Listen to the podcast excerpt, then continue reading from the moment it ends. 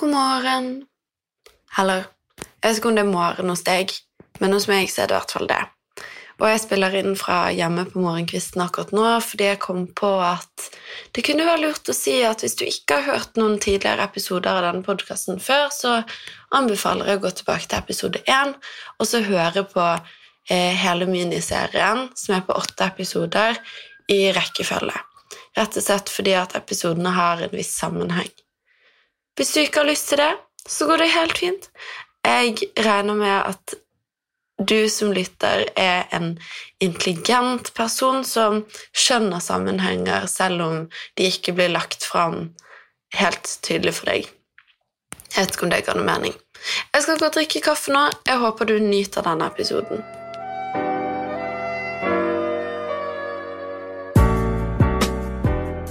Ok, så nå er alle helt overbevist, sant? Vi må avvikle oljen, og da har Norge endelig gjort noe stort og viktig og progressivt for klima og verdens framtid. Men vent! Hva med arbeidsplassene? Hva med energien? Hvordan skal denne verden uten olje se ut? Og dette er ikke spørsmål som bare skeptikere stiller seg. Jeg òg lurer på dette. For det er jo overbevisende når man hører historier om massearbeidsledighet som kan komme som følge av at Norge kutter i sin oljeproduksjon. Jeg har sjøl følt mye på dette. At selvfølgelig vil vi ikke at folk skal miste jobbene sine, men kloden koker, og hva i huleste skal vi gjøre da? For alternativet, det virker jo mye verre, at millioner sendes på flukt på grunn av klimaendringer. Og det vet vi jo er en konsekvens. Likevel så er det stor motstand mot å avvikle industrien. Argumentene som runger, høres litt ut som den sketsjen til NRK hvor Equinor-pappa hjelper datteren sin med å skrive en Melodi Grand Prix Junior-låt. Mine største inspirasjoner er Ariane Grande, Astrid og Grete Thunberg. Og så har jeg fått litt hjelp av pappa med teksten. Og jeg heter Per Kristian, jobber i Equinor. Det er klart at det varmer et pappahjerte at Olivia synger rett ifra hjertet om noe hun brenner for. Og så hjelper jeg bare litt grann å holde det realistisk og, og faktabasert. da. Nå må vi velge den grønne stien, men fortsatt beholde oljeindustrien. Vi får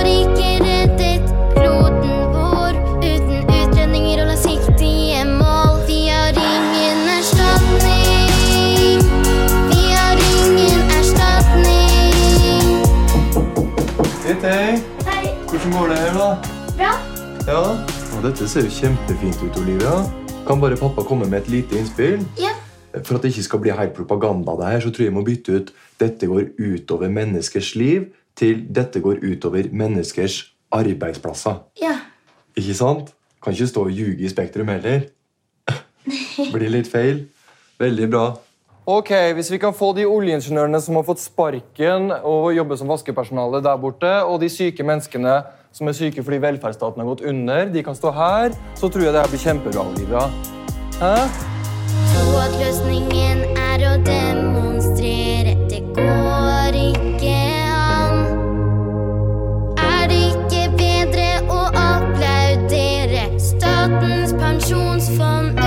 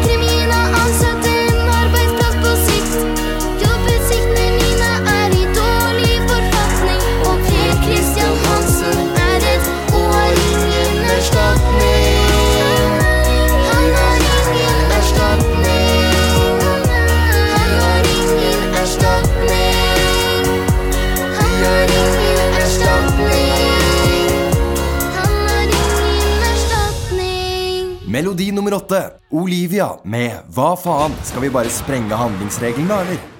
Klippet du nettopp hørte, er hentet fra NRK. Selv om dette klippet er utrolig morsomt, så er det mange som faktisk mener dette. At det ikke fins noe godt alternativ for Norge. Men så har jeg gjort som jeg alltid gjør når jeg er usikker på om jeg er på rett side av en sak. Jeg snur meg til forskningen og til historien. Så denne episoden den skal handle om alternativene. så har det faktisk skjedd noe siden dere streiket 22. mars.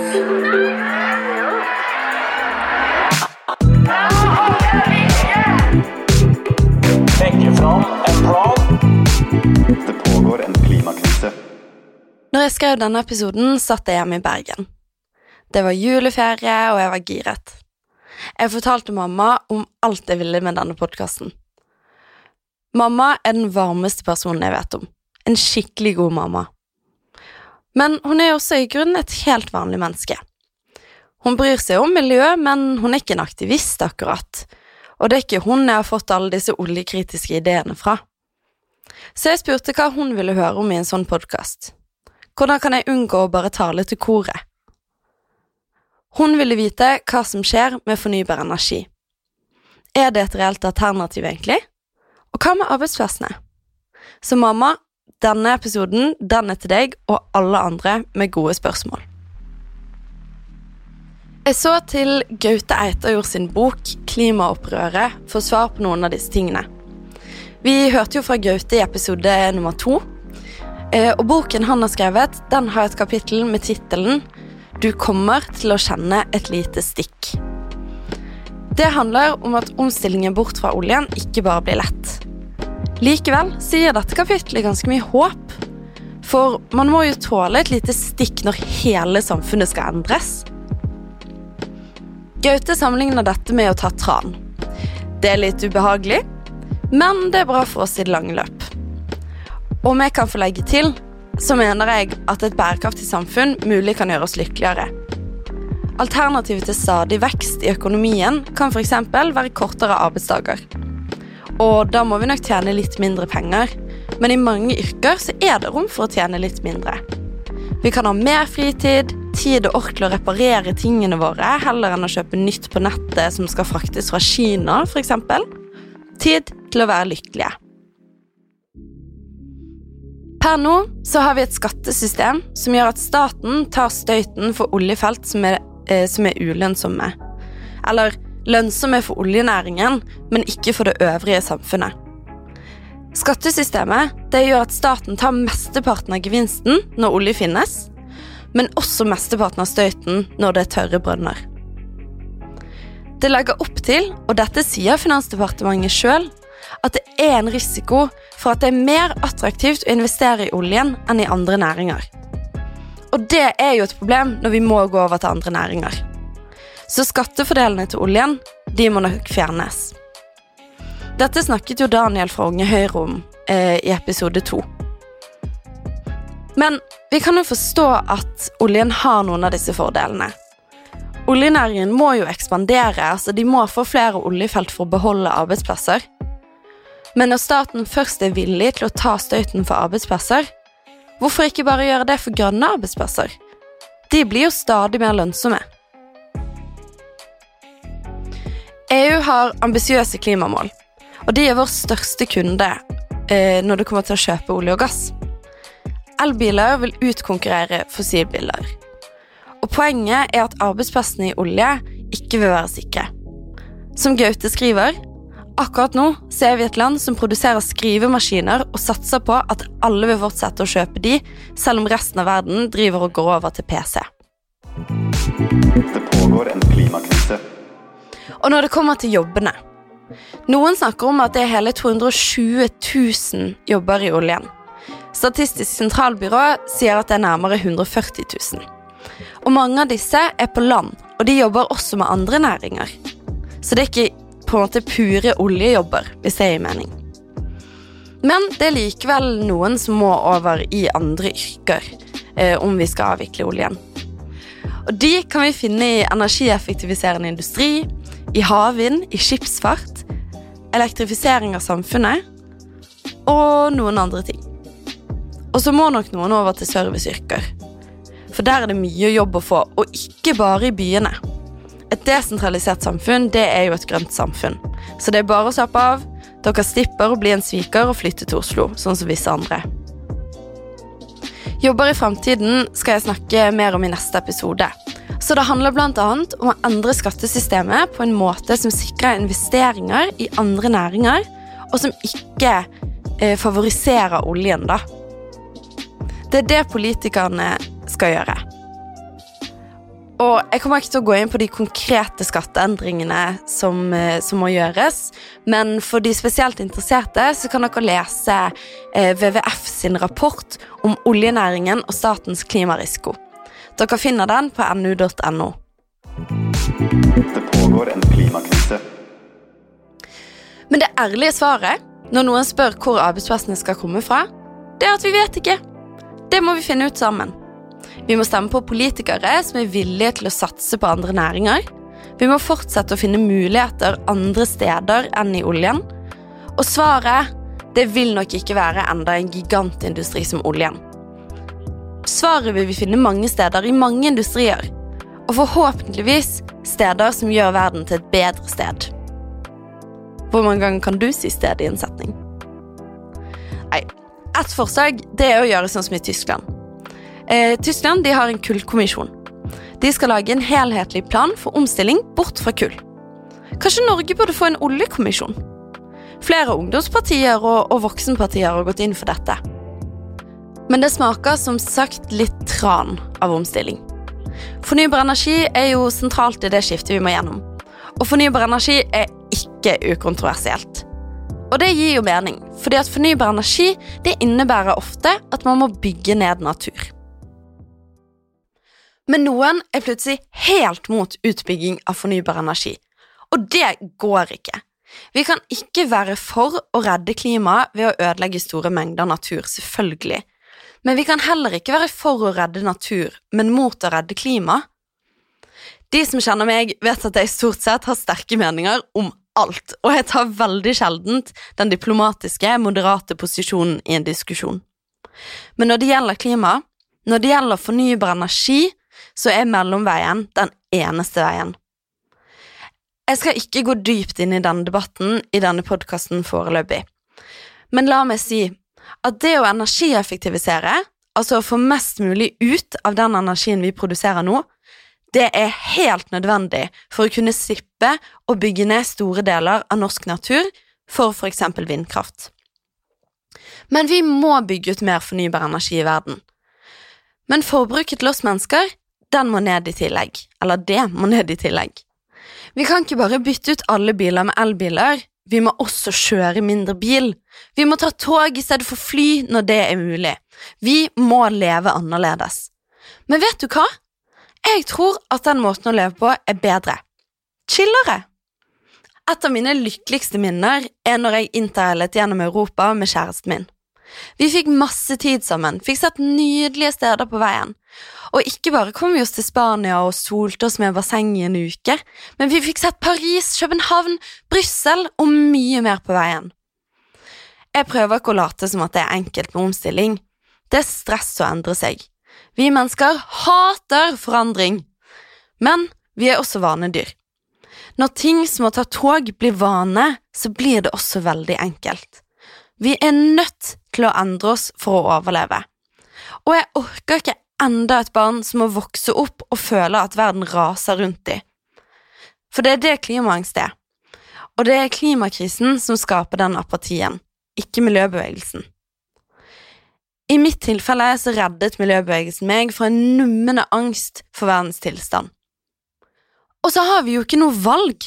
Vi må få det til. Så ja, det var det jeg hadde å si om det. Pluss, på tog så kan du ha med så mye væske du vil. Og Ifølge en ny rapport fra FN sitt miljøprogram så er Norge det best egnede oljeproduserende landet til å fase ut produksjon og omstille økonomien. Les mer på nu.no om du vil høre hvordan Norge kan bli fossilfritt, og hvordan energipolitikk kan være balansert og sett i sammenheng. Det pågår en klimakrise. Nå sitter du kanskje hjemme og tenker hvordan greide Mia å begynne en rant med fornybar energi og avslutte med interrail?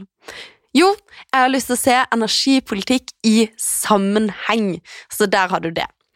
Og så vil jeg bare si at Når vi først lager en episode om alternativer, så skulle jeg ønske at jeg kunne ha tid til å snakke mye mer om fornybar energi, for det er jo et åpenbart viktig alternativ til fossil energi. Eh, vi har eh, bestemt oss for å fokusere på olje i denne podkasten.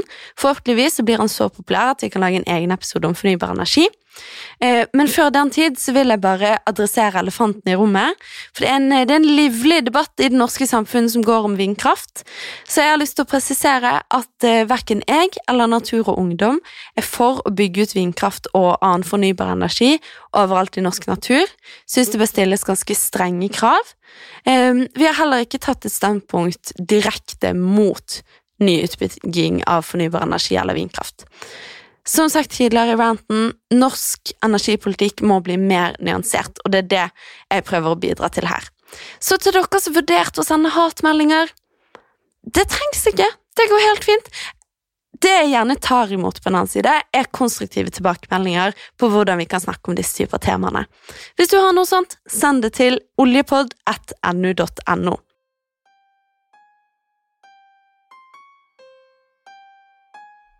Men vent! Hva med klimatiltakene som oljenæringen sjøl gjør? Kan ikke alternativet være at oljeindustrien blir grønnere? Hva med elektrifisering av oljeplattformer? Er ikke det bra? Equinor skal jo bruke 50 milliarder kroner på å elektrifisere plattformene sine. Men dette kan jeg egentlig ganske lite om, så jeg fikk inn min eh, tidligere nevnte kjæreste, Andreas, til å snakke om elektrifisering. Eh, Andreas heter jeg. Eh, andre nestleder i Natur og Ungdom. Gleder meg veldig til å Mhm. høre podkasten. Spent på Ja, veldig spent på den. Hva jeg driver med. Ja.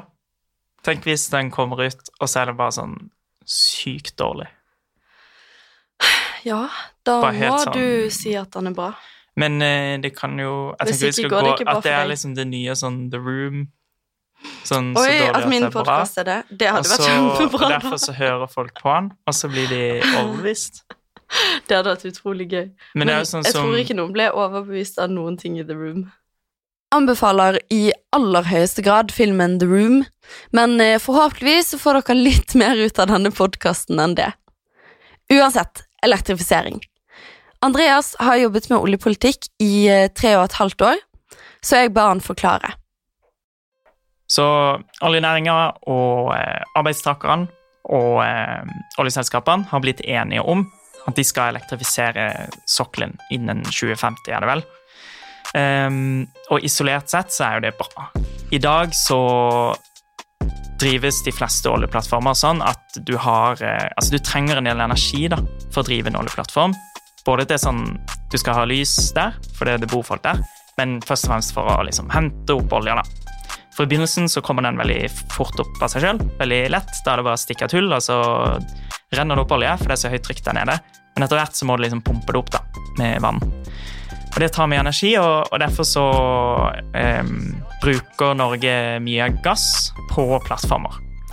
Så er det jo et alternativ som vi har hatt lenge, og det er det som er elektrifisering. Så stort sett, eller det det alltid har betydd, er jo eh, at du får kraft fra land. Så da lager du en svær ledning fra land, liksom ut en svær stikkontakt ut til, til sokkelen, og så får du strøm derfra. Um, og så er det jo også noen som prøver, sånn som Equinor, har et prosjekt hvor de skal bygge havvind ved siden av oljeplattformen, på en måte. Og så skal den lage strøm til oljeplattformen. Så det er jo noe annet igjen. Men jeg syns det er viktig å skille mellom de prosjektene som skal hente strøm fra land, og de som lager egen strøm. For det, hvis alle oljeplattformene i Norge skal elektrifiseres, så betyr det at Norge må produsere veldig mye strøm. Og spørsmålet er hvordan i all verden skal vi gjøre det? Eh, nå har på en måte folket snudd litt om vindkraft på land. Eh, det er ganske mye motstand mot det. Det er nesten ingen kommuner som vil ha det. Um, og eh, jeg mener jo i hvert fall ikke at vi skal bygge ut flere vannkraftverk. Eh, der er de eneste vassdragene som er igjen, er veldig sårbare og har store naturverdier.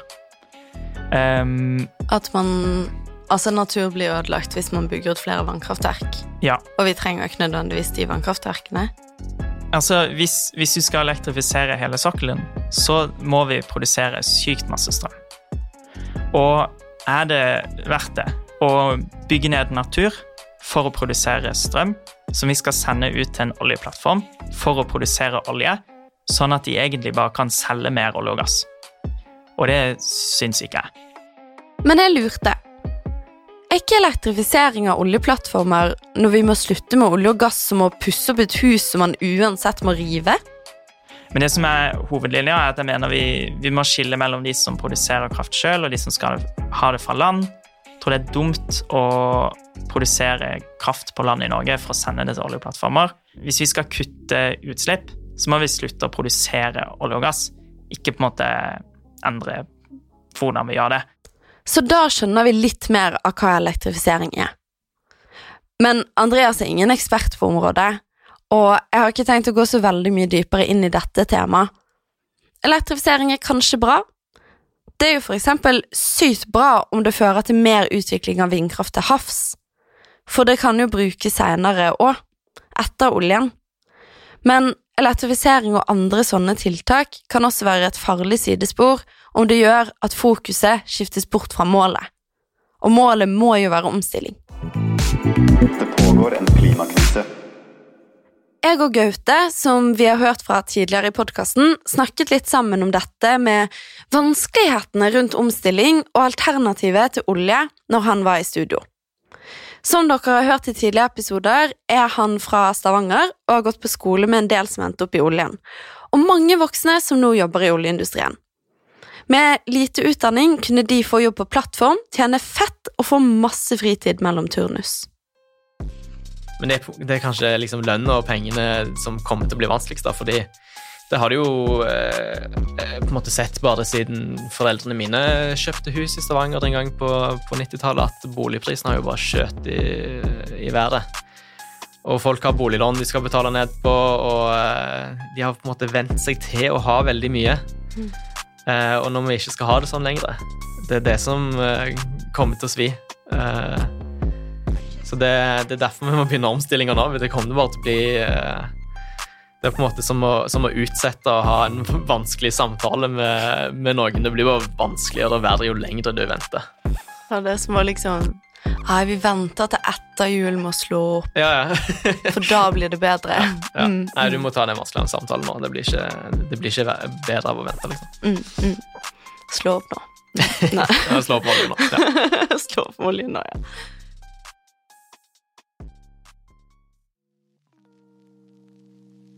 Det blir siste ord i dag.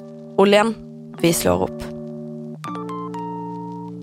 Gaute sin bok heter 'Klimaopprøret' og kan kjøpes på nett og i bokhandel. Den er ca. 90 sider lang, og det er det beste du kan lese for å møte alle argumenter mot omstilling.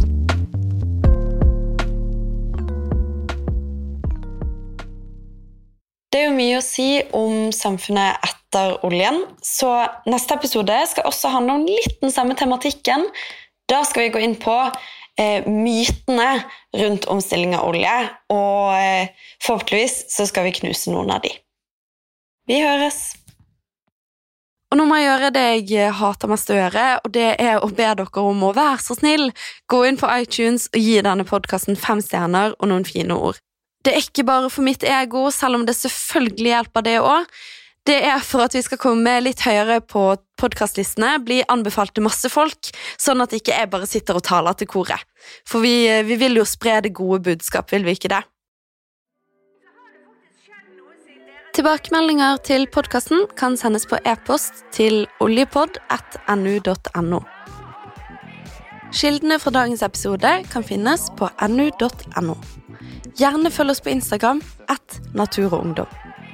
Podkasten er laget i samarbeid med moderne media. Jinglen er laget av Remi Malcher Pettersen. Annen musikk er hentet fra bl.a. Prod Riddyman. Denne podkasten er støttet av Fritt Ord og LNU Kultur.